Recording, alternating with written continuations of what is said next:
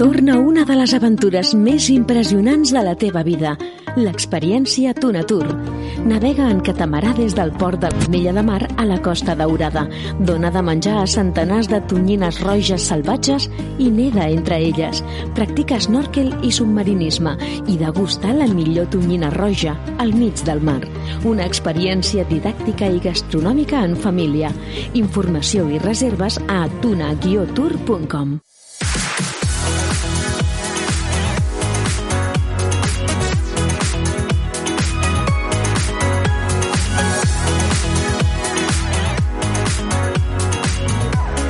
dia Terres de l'Ebre, amb Leonor Bertomeu.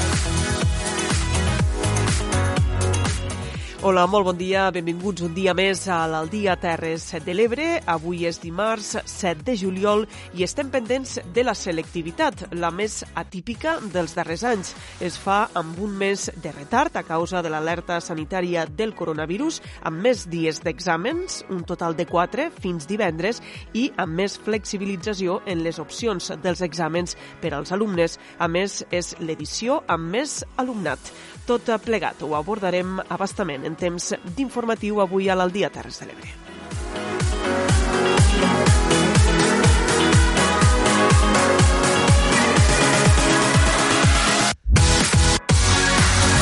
Ara, com cada dia, comencem repassant el nom de totes les persones que fem possible este programa i que són Tere Giné i Clara Seguí de la Plana Ràdio, Núria Mora, Clàudia Ruiz i Xavier Falcó des de Ràdio Tortosa, Laia Oltra, Francesc Callau i Daniel Rodríguez de la Cala Ràdio, Judit Castells i Jonathan Valls de Ràdio Joventut, Eduard Carmona des de Ràdio Delta i Tomàs Ginestra, Jordi Galo i Manel Ramon des de Amposta Ràdio. Comencem, com cada dia, amb el repàs als titulars més destacats d'avui dimarts, 7 de juliol.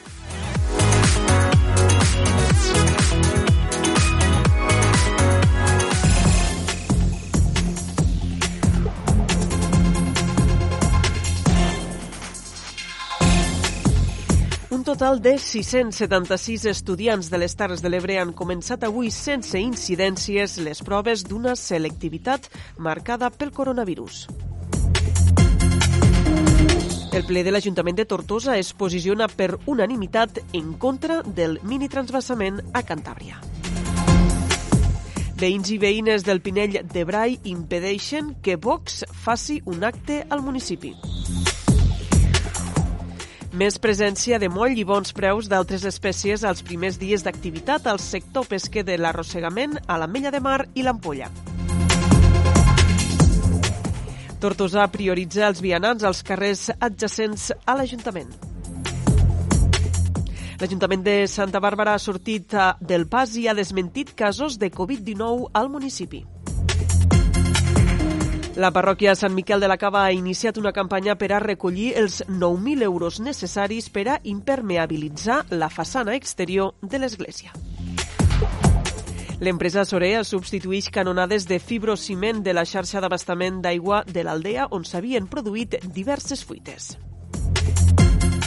A Camarles, l'Ajuntament ha iniciat una campanya destinada a la promoció del comerç local. Estos són els titulars d'avui dimarts, dimarts 7 de juliol. Ens posem tot seguit a l'Aldia Terres de l'Ebre a ampliar-los tota la informació.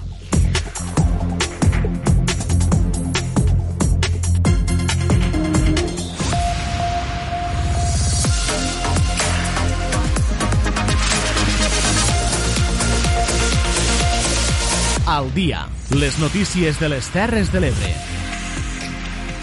Obrim portada informativa. Avui, com els hem dit, estem pendents de la selectivitat. Un total de 676 estudiants de les Terres de l'Ebre s'examinen des d'avui i fins divendres de les proves d'accés a la universitat, les PAU 2020. Són 108 alumnes més que al 2019. Com a novetat, l'Institut Juli Antonio de Mora d'Ebre també acull les proves de selectivitat, sumant-se així als tribunals habituals del campus Terres de l'Ebre de la URB i els instituts d'Ertosa i Cristòfol Cristòfor Despuig a Tortosa, a més de l'Institut Berenguer IV d'Amposta, unes proves que arriben un mes més tard de l'habitual arran de l'estat d'alarma per la pandèmia de la Covid-19. Ens ho explica àmpliament Núria Mora en la següent crònica. Sense cap incidència i amb normalitat han començat aquest matí les proves d'accés a la universitat als cinc tribunals abrencs. La prova de llengua castellana i literatura ha encetat a primera hora del matí una selectivitat marcada pel coronavirus que ha obligat a prendre mesures de seguretat excepcionals per evitar contagis. Els centres han marcat itineraris diferenciats d'entrada i sortida dels alumnes. Hi ha menys estudiants per aula i les taules estan a dos metres de distància. El president del Tribunal de l'Espau al campus Terres Terres de l'Ebre de la Universitat Rovira i Virgili, Javier Ferrer, destaca que, malgrat l'excepcionalitat, les proves d'accés a la universitat s'han iniciat sense cap contratemps i explica el protocol que han hagut de seguir els estudiants. Les proves han començat en, en normalitat dintre d'aquesta nova normalitat que tenim. Aquest any tenim moltes novetats, la primera, que és evident, és que la selectivitat dura quatre dies en lloc de tres, és a dir, que s'allargarà fins al divendres. Això significa doncs, que cada dia tenen alguna prova menys. Sí que és veritat que els alumnes tenen algunes novetats en la dinàmica de la prova perquè venen i sempre se senten al mateix lloc, els cridem per ordre i cada vegada els anem entrant grup a grup perquè mantenguin la, la distància de seguretat, tenen que rentar-se les mans a l'entrar al centre, cada vegada que entren i surten de l'aula, han de portar mascareta tot el temps, excepte quan eh, estan fent la prova, que tenen la potestat de treure-se-la i he comprovat que se la treuen. Ferrer assegura que els alumnes tenien molt clares les mesures de seguretat i que els ha vist igual de nerviosos que altres anys. No hi ha hagut cap incidència, de fet, m'ha cridat l'atenció perquè quan a la primera hora els he repartit els exàmens a totes les aules i estaven eh, aparentment molt tranquils, molt, molt tranquils i tots encara amb la mascareta perquè encara no havien començat, encara no havien començat les proves. I quan han arribat, bueno, pues han arribat, són joves i arriben nerviosos i tal, però en el nerviosisme eh, que tenen qualsevol vegada que venen a fer les proves de selectivitat, que és normal que estiguin nerviosos, que s'estan jugant el seu accés a la universitat. Una de les alumnes de l'Institut de Roquetes que s'examina de selectivitat al campus Terres de l'Ebre, Anna Guirella, explica com ha anat l'experiència. A l'entrada estava molt... Bueno, jo estava bastant nerviosa, però després ens hem sentat allí i la professora pues, també ens ha relaxat un poc i no res, les mesures pues, mascareta, dos metres de distància, que les taules estaven bastant separades, tenim una taula per a cada persona, que eren de dos cadires, però anàvem una a cada costat, i la neteja de mans a l'entrar i al sortir de l'aula. La primera prova que han hagut de realitzar els estudiants ha estat l'examen de llengua castellana i literatura. A la sortida, alumnes de l'Institut de Roquetes i de l'Institut Sol de Riu del Canà, que s'han examinat al campus Terres de l'Ebre de la URB a Tortosa, han coincidit en afirmar que l'han trobat més fàcil del que es pensaven. Bueno, l'examen de castellà per a mi superbé. Ha sigut més fàcil del que ens pensàvem i a més, eh, en el nostre institut ho havíem fet tota classe justament eh, abans de l'examen i la veritat és que superbé. Pensàvem que seria molt més difícil i al final molta tranquil·litat, molt bé. Bueno, ha sortit com quasi tots els anys que surt la, alguna fi figura retòrica o les opcionalitats jo crec que l'opció B, per exemple, era, era un poc més, més senzilla per a, per a fer. Jo crec que sortien els dos llibres, sortia el, el Lazarillo, i Lazarillo crec que les preguntes eren, eren més, més senzilles. Aquest matí, a banda de la llengua castellana i literatura, també s'han fet els exàmens de Ciències de la Terra i del Medi Ambient, Fonaments de les Arts i Matemàtiques aplicades a les ciències socials, mentre que aquesta tarda es faran els d'anàlisi musical, història de l'art i física. En total són 676 els alumnes de les Terres de l'Ebre que fan la selectivitat, 108 estudiants més que l'any passat, ja que hi ha més alumnes que han aprovat el batxillerat degut, òbviament, a l'excepcionalitat amb què s'ha hagut de realitzar el tercer trimestre. Com a novetat, l'Institut Julio Antonio de Mora d'Ebre també acull proves d'accés a la universitat enguany. A la capital de la Ribera d'Ebre s'examinen 120 estudiants procedents dels instituts de Mora, Flix, Gandesa i Falset. A Tortosa es fan proves de selectivitat al campus Terres de l'Ebre amb 118 alumnes, a l'Institut d'Artosa amb 158 estudiants i a l'Institut Cristòfol Despuig amb 135 alumnes. Pel que fa a l'Institut Ramon Berenguer Quart d'Amposta s'hi examinen 145 estudiants.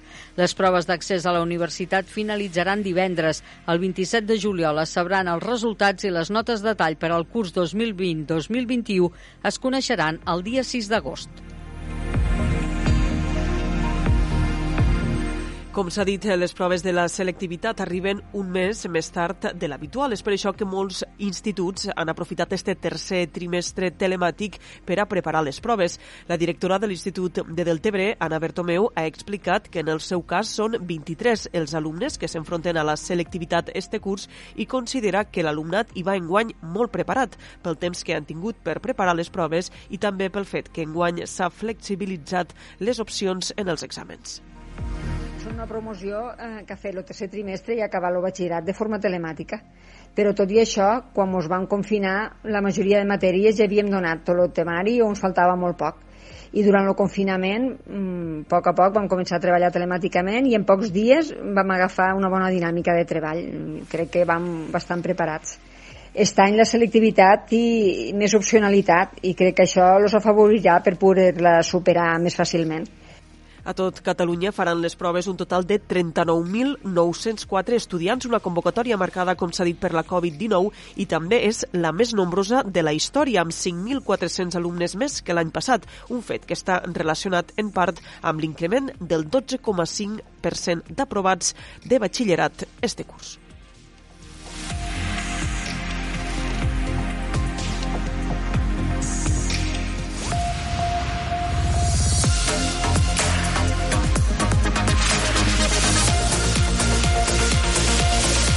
Al dia. Una de la tarda i 15 minuts. Seguim repassant l'actualitat a l'Aldia Terres de l'Ebre. L'Ajuntament de Tortosa ha estat el primer del territori que s'ha posicionat en contra del mini-transbassament de l'Ebre a Cantàbria, proposat per la Junta de Govern de la Confederació Hidrogràfica de l'Ebre. El ple del consistori tortosí, celebrat ahir, va aprovar per unanimitat dos mocions de rebuig a este mini-transbassament. Ens ho explica de nou Núria Mora. Tots els grups municipals a l'Ajuntament de Tortosa van votar a favor de dues mocions presentades per Movem Tortosa i Esquerra Republicana de rebuig al transbassament de l'Ebre a Cantàbria, així com de qualsevol transferència d'aigües del riu fora de la seva conca. Les propostes dels dos grups remarquen que aquest transbassament posaria en perill la sostenibilitat del Delta de l'Ebre i, en conseqüència, també les activitats econòmiques que s'hi desenvolupen. Les mocions proposen fer un front institucional comú també amb d'altres territoris per oposar-se a la detracció d'aigua de l'Ebre i perquè es respectin els principis de la nova cultura de l'aigua. A la vegada es reclama que es reuneixi la Comissió per la Sostenibilitat de les Terres de l'Ebre.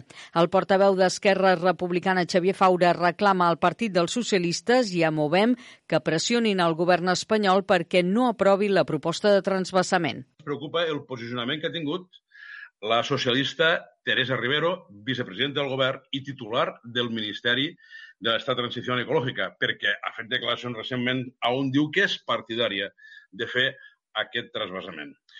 Des d'aquí, el grup d'Esquerra de Republicana, el grup municipal d'Esquerra Republicana, Tortosa sí, volem demanar al grup socialista municipal que pressione a través del PSC al govern de Madrid i que el senyor Sánchez deixa de clicar l'ullet a aquests especuladors de l'aigua i torna a la filosofia de l'ús de l'aigua que va fer el seu antecessor president, senyor Rodríguez Zapatero. El portaveu socialista Enric Roig assegura que iniciarà gestions perquè el Consell de Ministres no doni llum verda a la proposta de transvasament de l'Ebre a Cantàbria. El principi socialistes que vam derogar el PHN sempre ha estat al costat del territori de l'Ebre i les accions dels ciutadans i ciutadanes i la plataforma en defensa del bé i, per tant, no podem donar suport a aquesta proposta de la Txec.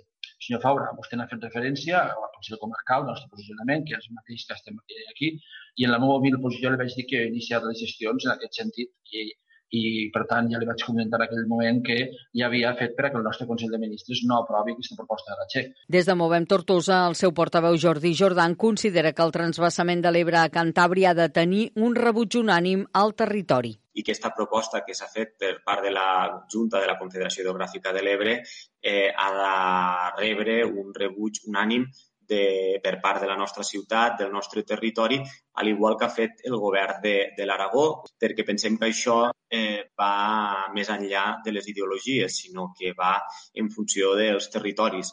I, per tant, com a part afectada de la, del tram baix del nostre riu, eh, pensem que hem de fer este front eh, institucional juntament amb la resta de territoris per els quals passa el riu Ebre i, sobretot, en el nostre cas, defensar el tema del cabal ecològic, que és allò que pot eh, garantitzar la supervivència del delta en relació als efectes de la regressió que en aquests moments està patint. També van donar suport a les mocions d'Esquerra Republicana i Movem, Junts per Tortosa, la CUP i Ciutadans.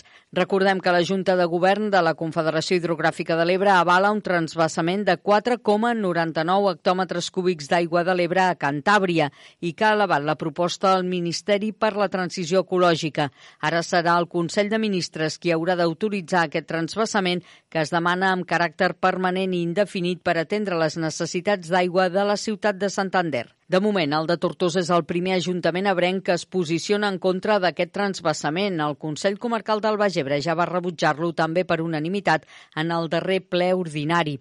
D'altra banda, el ple de l'Ajuntament de Tortosa va aprovar ahir les modificacions de les tarifes dels serveis municipals esportius del Win Tortosa, que incorpora els serveis que presta el Win Jesús, així com també la modificació de l'ordenança del bon ús de la via pública relativa a les condicions per les terrasses de bars i restaurants. Pel que fa a mocions, el plenari va donar llum verd ahir també a la proposta d'Esquerra d'incrementar les places d'aparcament d'autocaravanes, a la de Movem Tortosa de crear una comissió específica per al seguiment de les les grans obres al municipi i la de la CUP per garantir el dret a l'empadronament a Tortosa. En canvi, no va prosperar la moció del grup Copaire reclamant la remunicipalització del servei de neteja d'edificis i equipaments municipals. Més qüestions. La formació ultradretana Vox tenia previst este passat cap de setmana dur a terme un acte al Pinell de Brai, però finalment el van haver de suspendre donat que alguns veïns i veïnes del municipi van realitzar diferents actuacions de protesta per fer-los desistir de les seues intencions. Tot i la presència dels Mossos d'Esquadra, no van faltar moments de certa tensió. És una crònica de Judit Castells. Aquest dissabte la formació de Vox a la demarcació de Tarragona havia organitzat un esdeveniment al municipi del Pinell de Brai, on se preveia fer una missa seguit d'un homenatge a les víctimes de la Covid-19 i per acabar s'havia de fer un dinar en aquest municipi de la Terra Alta. L'alcaldessa del Pinell de Brai, Ivan Posta, va enviar un missatge a través de Twitter amb un comunicat del seu partit, Entesa pel Pinell, on deixava clar que Vox no era benvingut, ja que, deien, des d'Entesa treballen per un poble de pau, igualtat i fraternitat, mentre que Vox assegura Moren és una formació política que promou el conflicte permanent i el discurs contra els drets i les llibertats de les persones. Només arribar al partit d'extrema dreta va trobar impediments per accedir al poble. Un grup de persones contràries a Vox se van instal·lar en un pas de vianants a l'entrada del Pinell de Brai. En aquest punt, tots ells van començar a travessar evitant l'entrada dels participants en l'acte de Vox. I els independentistes no els deixen passar a l'escòria. S'estan esperant que arriben els Mossos, però tot el rato passen pel pas de Cebre. Un 10 per a ells. En la rebuda, a més, els manifestants antifeixistes que s'havien atansat al Pinell de Brai van fer crits com fora feixistes del nostre poble, mentre els membres afins del partit d'extrema dreta, que havien anat fins al poble de la Terra Alta, els hi deien Espanya, una grande i libre.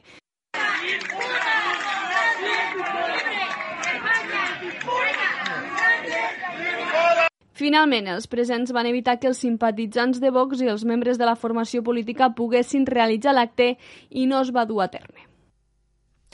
Canviem ara de qüestió. Dimecres passat, la flota de l'arrossegament de la Mella de Mar va iniciar la temporada pesquera després de dos mesos d'aturada biològica per recuperar els caladors. Enguany, els pescadors cobraran la totalitat dels dies hàbils d'inactivitat. Ens ho explica Francesc Callau. Durant aquests primers dies de pesca, el moll ha estat l'espècie més capturada, tot i que s'han trobat a faltar més captures d'espècies com el lluç o el popet. Pel que fa als preus, l'increment de la presència del moll ha fet que el seu preu baixés, però hi ha hagut una pujada de preu a la resta d'espècies. Miquel Brull és el patró major de la confraria de pescadors de la Mella de Mar. Sí que és cert que és, una miqueta aviat per fer una valoració, però bueno, de peix se n'agafa prou, potser hi ha l'espècie que destaca més en este cas seria el moll, de moll se n'agafa força, polper poc, de, de lluç també poc, de peix en principi pues, bueno, estem al, al nivell poc més o menys d'estos anys endetrás. Sí. I pel que fa als preus, no són uns preus allò desorbitat, però tampoc no són uns preus baixos, o, i bueno, torno, pues, el moll com que és el que s'agafa més, pues, és el que va potser una miqueta més barat, i l'altra espècies, espècies com el lluç, no sé, que, que fallen, pues, bueno, van més ben pagats. Eh? Jo crec que seguim dins de lo, lo que és la, la línia d'estos últims anys. L'arrossegament ha tornat a la mar amb bones notícies, ja que l'Estat incrementarà les ajudes per les aturades biològiques als armadors.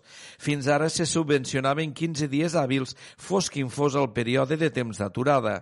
Els pescadors tarragonins sempre s'han queixat del greuge comparatiu amb altres zones pesqueres que només aturaven un mes i cobraven el mateix. A partir d'ara el sector tarragoní rebrà ajuts de fins a 45 dies hàbils. Sergi Tudela és el director general de Pesca i Afers Marítims. Després de molts anys de, des de Catalunya de demanar que es compensi els, els pescadors pels dies reals, efectius, de, eh, dels dies hàbils, lògicament, d'aturada, només es finançaven 15 dies. Doncs enguany, per primera vegada, l'Estat ens ha donat la raó i eh, es finançarà la totalitat dels dies hàbils. Això vol dir, per exemple, que al sud de Catalunya, on algunes pesqueres també del nord, on s'està aturant dos mesos, en lloc de cobrar l'equivalent de 15 dies d'aturada, cobraran prop de 45 dies d'aturada. Això implica una multiplicació per 3, pràcticament, no, del, de l'ajut. A més, el Departament d'Agricultura, Ramaderia, Pesca i Alimentació ha iniciat l'aprovació de la convocatòria d'ajuts per valor de 16,3 milions d'euros. A banda, també s'han de sumar els del Pla de Xoc dotats amb 3,3 milions destinats als diferents sectors marítims a fi d'ajudar-los a superar els efectes econòmics provocats per la pandèmia de la Covid-19. Una de la tarda i 25 minuts. Ens centrem ara en la crònica municipal a l'Aldia Terres de l'Ebre. Des del passat cap de setmana que els carrers Bayerri i un tram del del carrer Pescadors a Tortosa són només accessibles als vianants, restringint així el pas al vehicle rodat. Es tracta del primer pas que realitza l'Ajuntament de Tortosa per peatonalitzar i reurbanitzar tot l'entorn de l'edifici consistorial. És una crònica de Clàudia Ruiz. Així és, des del passat divendres que els accessos en aquests carrers s'ha instal·lat o pintat la senyalització que prohibeix la circulació de vehicles. Això ha obligat també a realitzar una reordenació del trànsit, com per exemple el canvi de sentit de circulació des de la plaça Emili Sanz en la confluència amb la plaça Cabrera. Amb aquesta mesura es vol donar prioritat als vianants, ja que en el cas de l'oficina de Correus els usuaris havien d'esperar al carrer a causa de les mesures de seguretat pel coronavirus. L'alcaldessa de Tortosa, Meritxi Roger, afegeix també que l'actuació permetrà dinamitzar la l'activitat comercial del centre de la ciutat. I realment la vida que té ara la plaça de l'Ajuntament creiem que, que canvia, tot ha, ha canviat la, la manera de fer a nivell de, del centre de la ciutat i si a més a més hi afegim tots a la resta de carrers al seu entorn que siguen o bé de prioritat eh, invertida per a prioritat per al vianant o bé totalment peatonalitzats, mm, jo crec que això millorarà molt tot l'entorn, estic convençuda, pel que fa també a la dinamització de, del comerç i, a, i al fet de donar més, eh, més importància al vianant i tindre una ciutat molt, molt més amable i molt més bonica. Aquesta reordenació és el preludi de l'execució del projecte d'urbanització i reordenació del trànsit. Aquest afectarà la plaça de l'Ajuntament, els carrers que ja s'han restringit, així com el carrer Manuel Vilà i la plaça Emili També restringirà el trànsit rodat i els diferents espais s'urbanitzaran al mateix nivell. Roger ha explicat que l'actuació ha estat consensuada amb els agents socials i econòmics de la zona. L'escoltem. A més a més, va ser una de les propostes que van sorgir també a la taula econòmica i no és un tema que vingui d'ara, és a dir, el mandat anterior ja ho estàvem treballant amb la mateixa associació de veïns i amb la mateixa associació de comerciants i amb la Federació de Comerç també i de restauració. Crec que al seu moment, com sabeu, eh, quan se va mm, tancar la, la plaça de l'Ajuntament al trànsit, vam tindre moments complicats perquè va hi haure un sector del comerç que en aquell moment no acabava de veure la viabilitat i, i si us recordeu, vam tindre uns mesos complexes que des del govern municipal vam pensar que calia aguantar perquè estàvem convençuts que aniria bé i realment s'ha vist que ha anat bé. És a dir, ara ningú entendria que tornessin a llaure cotxes aquí a la plaça de l'Ajuntament L'Ajuntament ja disposa d'aquest projecte executiu per urbanitzar i reordenar la zona, que es presentarà en els pròxims dies. Preveuen que les obres s'inicien abans d'acabar l'any amb recursos del Pla d'Acció Municipal de la Diputació de Tarragona.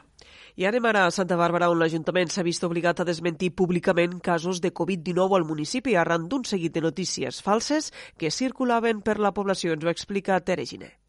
Malauradament, temes tan seriosos com l'afectació de la Covid-19 també arriben en format fake news al nostre municipi. Durant aquests dies i arran de la detecció d'un positiu en una jove veïna del poble, però que no resideix actualment a la localitat, circulaven molts rumors per les xarxes apuntant a veïns i veïnes com a possibles afectats. Una d'aquestes, i amb la que la Plana Ràdio ha contactat, ha estat Assumpta Arassa, psicòloga i escriptora planera, que ens explicava, lamentava aquests rumors i que ha tingut que fer un comunicat via Facebook per a desmentir desmentir-los. I és que el dia 20 de juny va fer-se un acte públic a l'aire lliure amb la presentació del llibre d'assumpte i també amb l'entrega dels premis literaris, on van assistir unes 100 persones i on també va estar present la jove que dies més tard donava positiu, però que no resideix al poble. Aquest fet va crear tota classe de rumors i especulacions al municipi.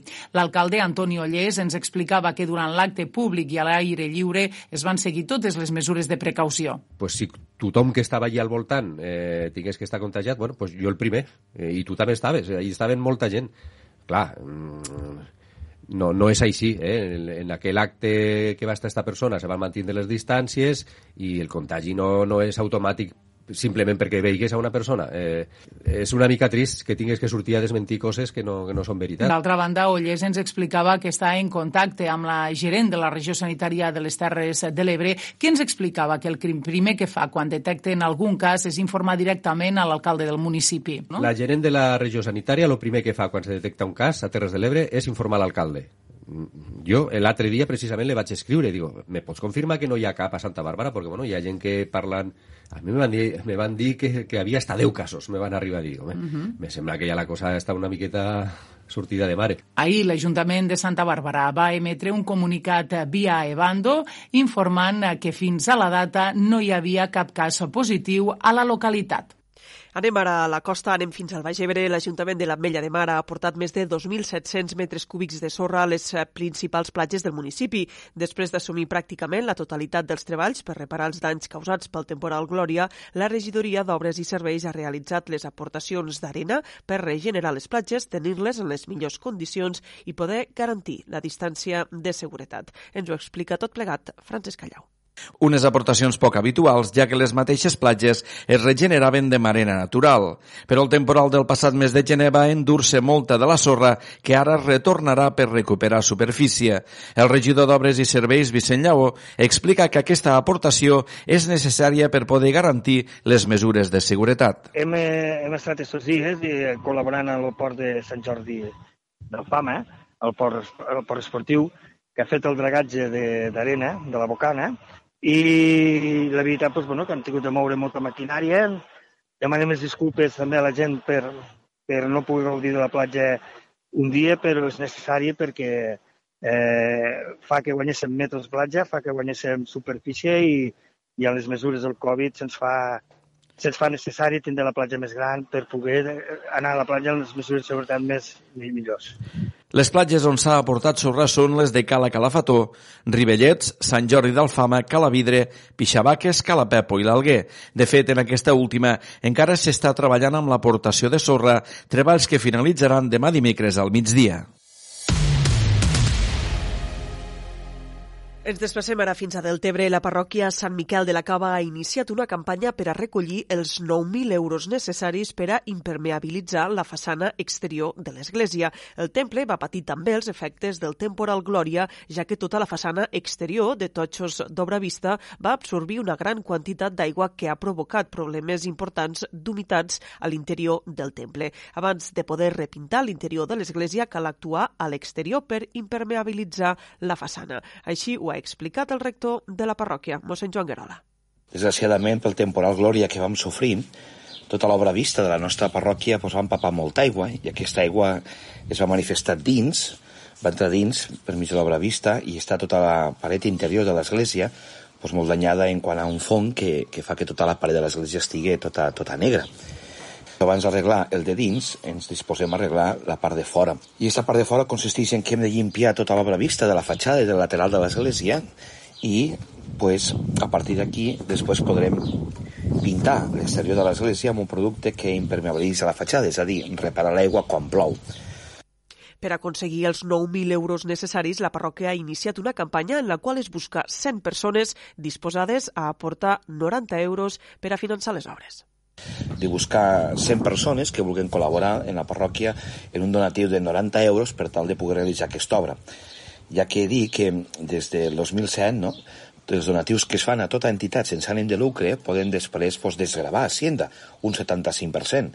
Per això la parròquia ha llançat aquesta campanya entre els feligresos, entre la gent, de, de buscar 100 persones que vulguin col·laborar per poder realitzar aquesta obra exterior de l'església perquè després pues, poguéssim arreglar també tota la part interior Per cert que la parròquia Sant Miquel ha començat també este mes de juliol la celebració de les primeres comunions que es van haver d'ajornar al mes de maig a causa de la pandèmia per la Covid-19. Es celebraran quatre torns, un el passat diumenge dia 5 de juliol, el segon torn serà este pròxim diumenge i encara quedaran pendents dos torns més al mes de setembre, unes dates que han sortit del consens amb les famílies, segons ha explicat el rector doncs, tan bon punt es va poder reunir els pares de comunió, vam estar parlant i vam donar aquestes opcions, no? de, de, o al mes de juliol o després també al setembre. I així vam quedar dos diumenges de comunions, ara al juliol i dos al setembre.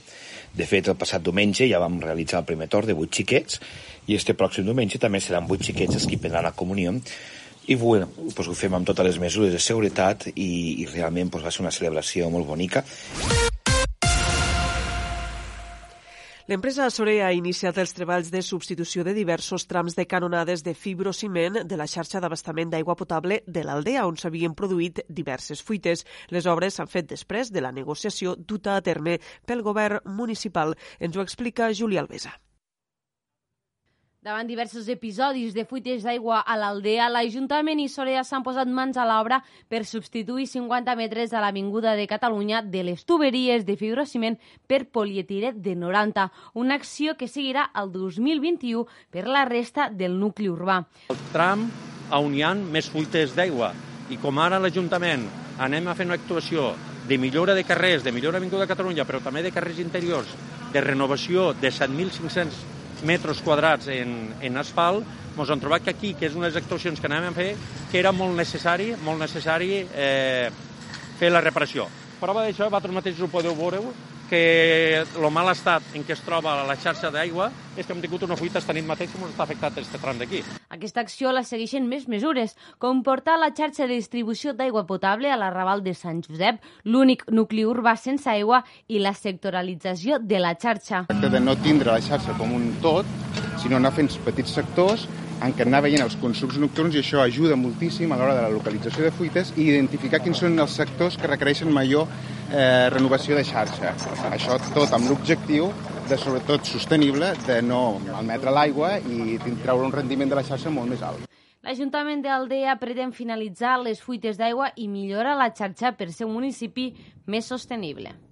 I tornem de nou a Santa Bàrbara, on ha cremat un contenidor de paper. La regidoria de Medi Ambient lamenta el fet i demana la col·laboració ciutadana davant d'estos actes incívics i de malmesa del mobiliari urbà Tereginer. Controls de contenidors pels agents cívics, normes de policia i bon govern, campanyes de civisme, multes... Són moltes les accions que s'engeguen per tal de conscienciar els veïns i veïnes de la població de la importància de respectar el mobiliari urbà i de seguir les normes a l'hora de dipositar les deixalles. Tot i això, sembla una batalla perduda. El passat dissabte, des de la regidoria de Medi Ambient, ens comunicaven que s'havia cremat un contenidor a la zona de la Rota de l'Alto, davant el mercat municipal. El contenidor de fracció paper-cartó apareix apareixia cremat amb el que sembla un acte incívic i pel qual la regidora de Medi Ambient, Ellen Esterlich, demanava la col·laboració ciutadana per si algú havia vist els infractors o podia informar del cas. El dissabte es va cremar un contenidor a la plaça del Mercat.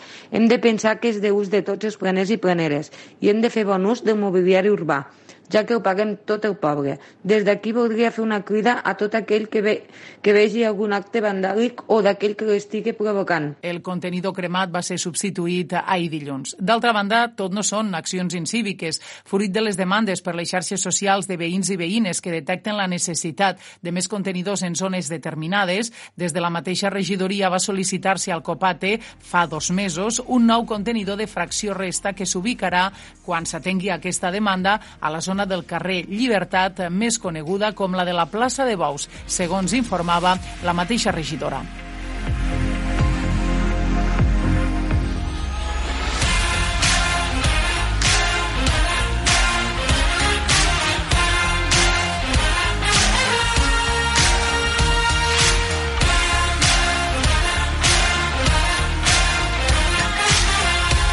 Al dia, els esports de les Terres de l'Ebre. Comencem la informació esportiva parlant un dia més de futbol. L'ex-crac blaugrana, David Villa, ha, fitxa per l'entrenador, ha fitxat a l'entrenador ampostí Josep Gombau com a entrenador del Queensboro Football Club. Ens informa Jordi Galo. Doncs eh, efectivament, el Queensboro Football Club ha anunciat avui la contractació de Josep Gombau com a entrenador i director esportiu del projecte, donant així un pas endavant en el seu desenvolupament per debutar en el campionat de la primera divisió del United Soccer League. David Villa, copropietari de la franquícia americana, confia d'aquesta manera el lideratge esportiu del club a un entrenador català amb una contrastada experiència internacional i una gran reputació en el desenvolupament de joves talents.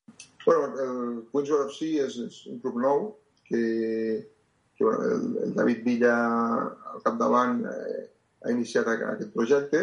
És, eh, es tracta d'un club de futbol eh, a la Lliga, a la USL, és la segona divisió dels Estats Units eh, i estarà ubicat concretament al, al barri de Queens i, i bueno, eh, és un projecte que m'atrau molt, m'atrau molt perquè bueno, la, la segona divisió dels Estats Units és, és molt forta, és, és un projecte molt maco i bueno, la veritat que, que per a mi pues, com a entrenador pues, em dona eh, molts ingredients que, que són satisfactoris. No? Eh, poder treballar al costat de David, una cosa que és eh, per a mi molt important, eh, perquè crec que amb la seva experiència i treballar dia a dia amb ell eh, doncs puc aprendre molt i, i després com a entrenador eh, obrir un nou mercat. No? Eh, porto molts anys treballant a Àsia i, i ara és, crec que ja era el moment d'un canvi de registre i, i poder entrar al futbol, eh, en aquest cas als Estats Units, on crec que és un mercat molt important i on crec també que, que el futbol està creixent molt i que, que si ho fem bé poden sorgir noves oportunitats. No? I, i bueno, en si el que espero doncs, és poder fer el que ha fet altres clubs eh, fora, de, fora de casa, no? que és el, la meva carrera s'ha desenvolupat sempre fora de Catalunya, eh, fora d'Espanya, i eh, sóc un entrenador amb una determinada manera de jugar molt marcada, molt futbol espanyol, molt futbol, eh, Futbol Club Barcelona, que és el lloc on, on jo vaig ser-hi anteriorment, on vaig començar a treballar a nivell professional, i, i bueno, poder implantar aquesta filosofia, aquesta metodologia de joc, poder ajudar els joves jugadors de, americans a, a créixer, a millorar, a poder donar aquest eh, salt al, a, a, a la primera divisió dels Estats Units o, o inclús a Europa i, bueno, la veritat que, que és un projecte que m'atrau molt i que estic molt content de, de formar-hi part i sobretot doncs, molt agraït al David per, per haver confiat en la meva persona per portar un projecte d'aquesta mena per poder jo ser la, l'encarregat de portar a terme aquest projecte. Parlem ara d'esgrima sota les ordres d'Àngel Fernández, seleccionador espanyol d'esgrima en la modalitat d'espasa. Els tiradors Àngel Fabregat i Eugeni Gavaldà de la sala Esgrima Amposta ja tornen a entrenar al CAR de Madrid. Ens ho explica Judit Castells. Així és, i és que, de fet, per l'estat d'alarma, doncs, els dos ampostins tiradors d'esgrima van haver de tornar a casa. Ara que si els ha donat ja llum verda, han estat preparant-se al Centre de Tecnificació de les Terres de l'Ebre d'Amposta. Ara, però, ja han tornat al seu centre d'entrenament habitual. Escoltem a un d'ells, a Àngel Fabregat. La tornada a Madrid ha estat bé, teníem moltes ganes. Eh, tornar a la rutina i als entrenaments de sempre no, és, és important Eh, en quant a precaucions, com podeu veure, sempre anem amb mascareta, entrenant, eh, donant classe d'esgrima i al gimnàs, per exemple, hem d'anar sempre amb mascareta, desinfectar totes les peces que toquem i respectar molt bé els ordres i els horaris que tenim establerts. Tot el que sabem ara és que hem de seguir entrenant per no perdre la forma física i bueno, donant-ho tot dia a dia com estem fent. Àngel i Eugeni marxaran de vacances a mitjans de juliol i tornaran a Madrid a finals d'agost. No obstant això, només se prendran uns dies de descans, ja que després seguiran preparant-se en posta. I és que ja està confirmat que a principis del mes d'octubre els dos prenguin part en una jornada de Lliga Nacional d'Esgrima a Logroño.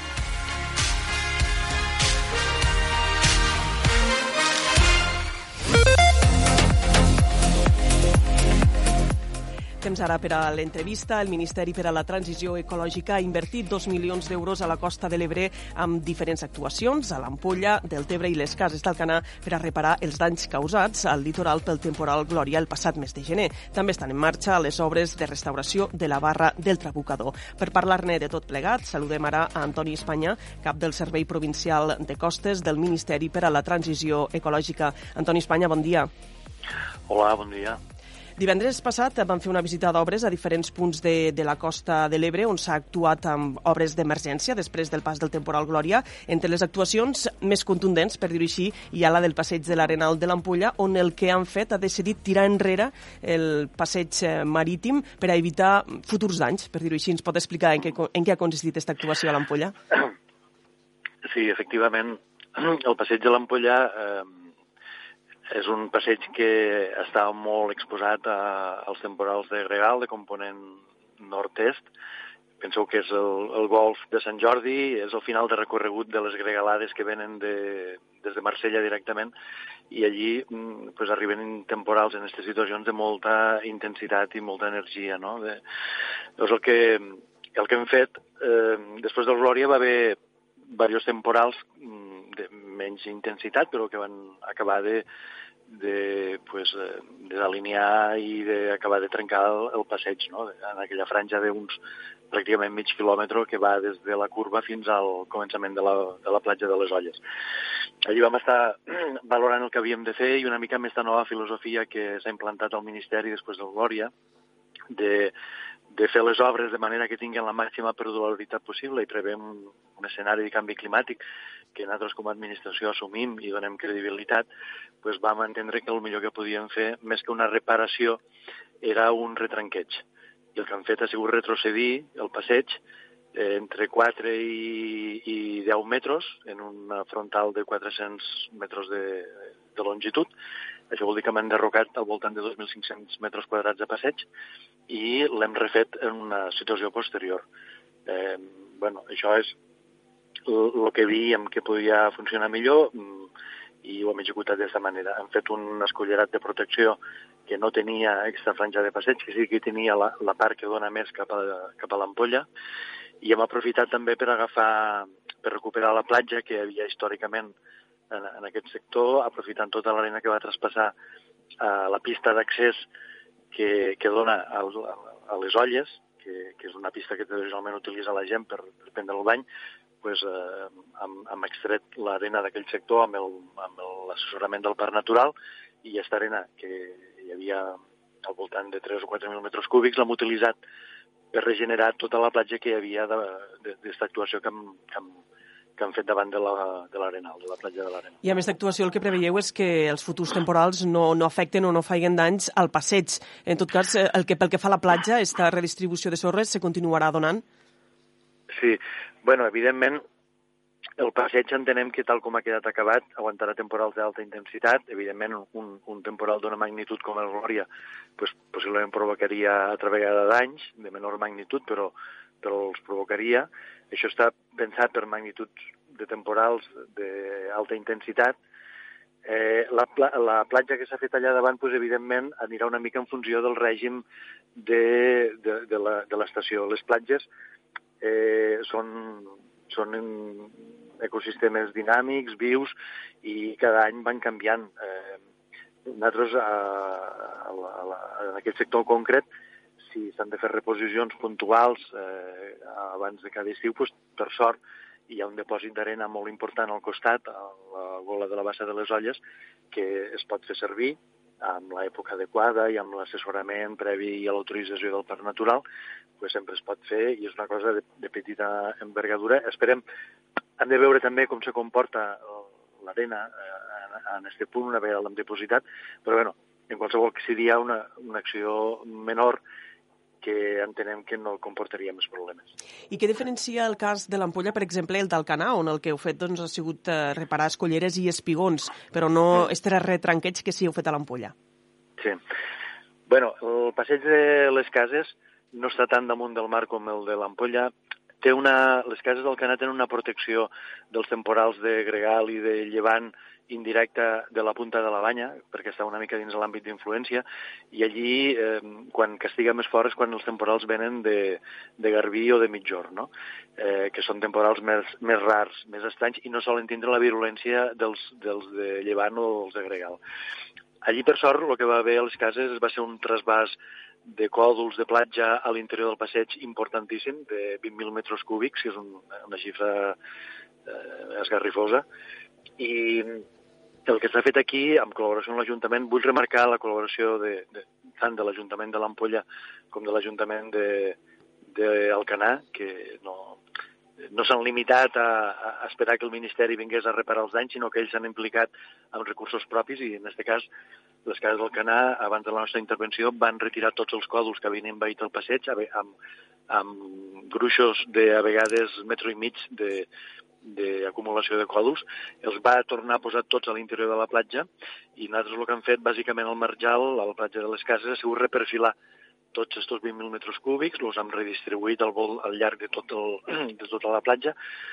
Hem regenerat una platja que feia anys que no existia, que és la platja de l'Estanyet, que comunica eh, la, la platja urbana del Marjal amb la, amb la platja que queda més al sud en direcció a Sol de Riu. Eh, I, bueno, i hem aprofitat, com tu dies, per reparar un espigó que és el que desaigua la part interior de tota la platja del Marjal. Hem refet accessos a algunes platges que hi han també entre l'Estanyet i Sol de Riu.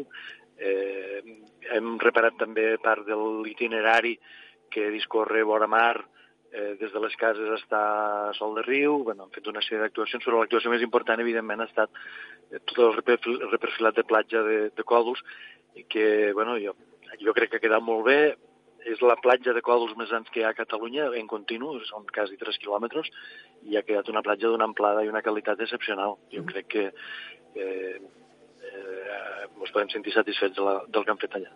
Anem ara del Tebre. En aquest cas s'han fet dues actuacions diferenciades. Per una banda, a la platja de Riumar, on s'ha redistribuït la sorra per recuperar l'amplada de platja, i al litoral entre la Marquesa i, i el Nen Perdut, eh, el que s'ha fet ha sigut aixecar un cordó dunar per a evitar doncs, que futurs temporals puguen de nou envair els arrossars. Sí. Uh, al Tebre també vull agrair la, la col·laboració de l'Ajuntament, que ha sigut un dels ajuntaments que també s'ha implicat més en, en mitjans propis per, per refer els danys del Glòria. Concretament el que s'ha fet, l'actuació potser més important és este cordó dunar que tu dies, que va des de Riu Mar fins al començament del Fangar, un cordó d'uns 6 quilòmetres de longitud i en amplada diversa que ha, ha servit perquè Després del Glòria, com he dit, durant el mes de març i abril han hagut diversos temporals de menor intensitat, però que si no hagués hagut esta, esta protecció litoral, hagués hagut segurament intrusió marina altra vegada i haguessin hagut problemes per començar la, la temporada de l'arròs al sector de, al voltant de, de pues això, de la base de l'arena, gola de pal i tot aquell sector, no? Eh, Toni, Després, eh, eh, disculpa, quanta arena ha calgut per a fer este cordó dunar i, i d'on l'heu extreta? Esta arena, la, pues, eh, així en números grossos, si són uns 6 per 3, bueno, al voltant d'uns 50.000 metres cúbics hem mobilitzat, eh, i l'arena l'han tret de la mateixa arena que va traspassar de Glòria a la part posterior. És a dir, han tret arena de les, de les finques arrosseres eh, per fer el cordó dunar, evidentment no hem tret tota l'arena que va entrar, mm, eh, hi ha hagut propietaris que després amb mitjans propis pues, han acabat de traure, no? com per exemple la finca dels Bascos o la finca de Nicoban o la finca de Pegueroles, que són segurament les tres finques que es van veure més afectades per, per temporal Glòria. Nosaltres vam fer una part de la faena amb l'objectiu de fer este cordó lunar eh, i la resta de l'arena pues, els, els propietaris amb ajudes tingantes de la Generalitat del Departament d'Agricultura pues, han acabat de completar l'operació. No? Eh, I després altres coses que han fet d'altre ordre pues, ha sigut mm, reparar tota la pista que dona servei a la Badia del Fangar, que dona servei a pagesos i pescadors, hem dragat el port d'Illa de Mar per donar servei a tot el sector marisquer i pesquer de, de la Badia del Fangar, hem eh, restaurat la platja de Riomar, que havia quedat molt minvada a la part mm, nord, on fins i tot les zones trencaven a, al peu de les passarel·les. Allí hem, hem guanyat entre 25 i 30 metres de platja de l'arena que, que hem mobilitzat del propi, de les pròpies dunes, la part que no estava vegetada, també amb, amb l'assessorament al vistiplau del Parc Natural. bueno, hem fet una inversió important a, a Deltebre també. En el cas de la barra del Trabucador, les obres encara estan en marxa, no? En quin estat es troben ara les obres de, de restauració del Trabucador? Perquè no sé si encara una part de, de la barra continua encara submergida. Bueno, la, el Trabucador ha sigut l'obra, sens dubte, més complexa i més costosa de totes les que han fet al Delta. Estem en la fase final, eh, la setmana que ve eh, les acabem. Jo ara precisament vinc, vinc d'allà i bueno, eh, vam, ja sabeu que a causa de la crisi sanitària vam haver d'aturar obres i fins al mes de, de maig no ens vam poder posar a treballar. El mes de maig va ser un mes meteorològicament bo, vam poder fer el, completar el tancament de la badia el 28 de maig, és a dir, a partir del 28 de maig, després de, de, de més de quatre mesos de, de trencament de la barra del trabucador, la bahia va tornar a funcionar com una bahia des del punt de vista biològic i, i, i natural. Eh, després vam entrar al mes de juny, el mes de juny ha sigut un mes, com tothom recordarà, molt complicat. De fet, va estar plovent fa pocs dies, pràcticament cada dia, amb alteracions meteorològiques importants. Vam tindre petits trencaments de la barra, que els vam reparar a les poques hores. El més important doncs, ens, va, ens va costar dos dies reparar-lo. I ara estem ja en la fase final i, eh, i sincerament pues, me sento molt satisfet perquè hem superat les expectatives de restauració que ens havíem fixat inicialment. No? És a dir, ens havíem fixat eh, amplades en aquest tram que havia quedat submergit de 50 a 70 metres i bueno, puc dir a hores d'ara que, que bueno, anirem a 100, 150 metres i fins i tot en algun punt a 200 metres d'amplada de, de barra. No? Això no vol dir que quedarà una obra molt fràgil, que eh, si la meteorologia és la que toca estos mesos de juliol, agost i setembre, eh, la natura acabarà de fer el que ha de fer, que és acabar de reperfilar, de moure per transport, eh, anar omplint les depressions que quedaran. Mm, bueno, pues, jo és el que li anava a preguntar, no sé si es tracta sí. d'una obra més puntual i que caldria actuar de manera més contundent a la barra del trabucador per assegurar-ne una mica el futur. Mm. Bueno, Eh, nosaltres actuem en un marc d'obres d'emergència, és a dir, que el nostre objectiu era eh, donar-li funcionalitat al litoral més o menys com abans del Glòria aquest objectiu s'ha complert. Una altra cosa són les obres de tipus estructural que s'han d'afrontar a mig i llarg termini i a les quals ha de donar resposta el pla estratègic del Delta que presenta el Ministeri a finals d'any. No? Eh, jo crec que tal com hem deixat el trabucador, si no ve una altra Glòria, que no ho podem descartar, però bueno, estadísticament seria molt raro que ens vingués una altra glòria. Eh, el trabucador, tal com hem deixat, aguantarà temporals d'alta i mitjana intensitat. No vol dir que no pugui haver un trencament puntual, que s'obri una gola de 100, 150, 200 metres, que pugui ser reparada en, en dos, tres, quatre dies, eh, sense més eh, complicacions. I he de recordar que també l'empresa Infosa de les Salines està treballant en un projecte alternatiu d'evacuació de, de la sal via marítima que estirà enllestit l'estiu de l'any que ve. Per tant, jo entenc que en aquest escenari pues, uh, s'arribarà a temps. No? Uh, ara, és cert que al Delta hem de deixar d'anar a remolc de la natura i hem d'avançar-nos, hem de fer actuacions preventives als punts més fràgils, que són, evidentment tots sabem quins són, que són el frontal de la Llaguda, el Trabucador i la platja de la Marquesa, i aquí el que hem de fer, uh -huh. en algun moment s'haurà de fer uh, accions d'aportació d'arena, que jo crec que és la, la clau del futur de la gestió del litoral del Delta, és fer gestió activa d'arenes, eh, perquè el Delta no perd eh, material sedimentari ni per superfície, sinó que hi ha una redistribució. I Toni, eh, sento, però estem en directe i ho hem de deixar aquí, no tenim temps vale, vale. per a res més. Moltíssimes gràcies i ens emplacem per a una nova entrevista. D'acord, Leonor, vinga. Gràcies a vosaltres. Adéu, bon dia.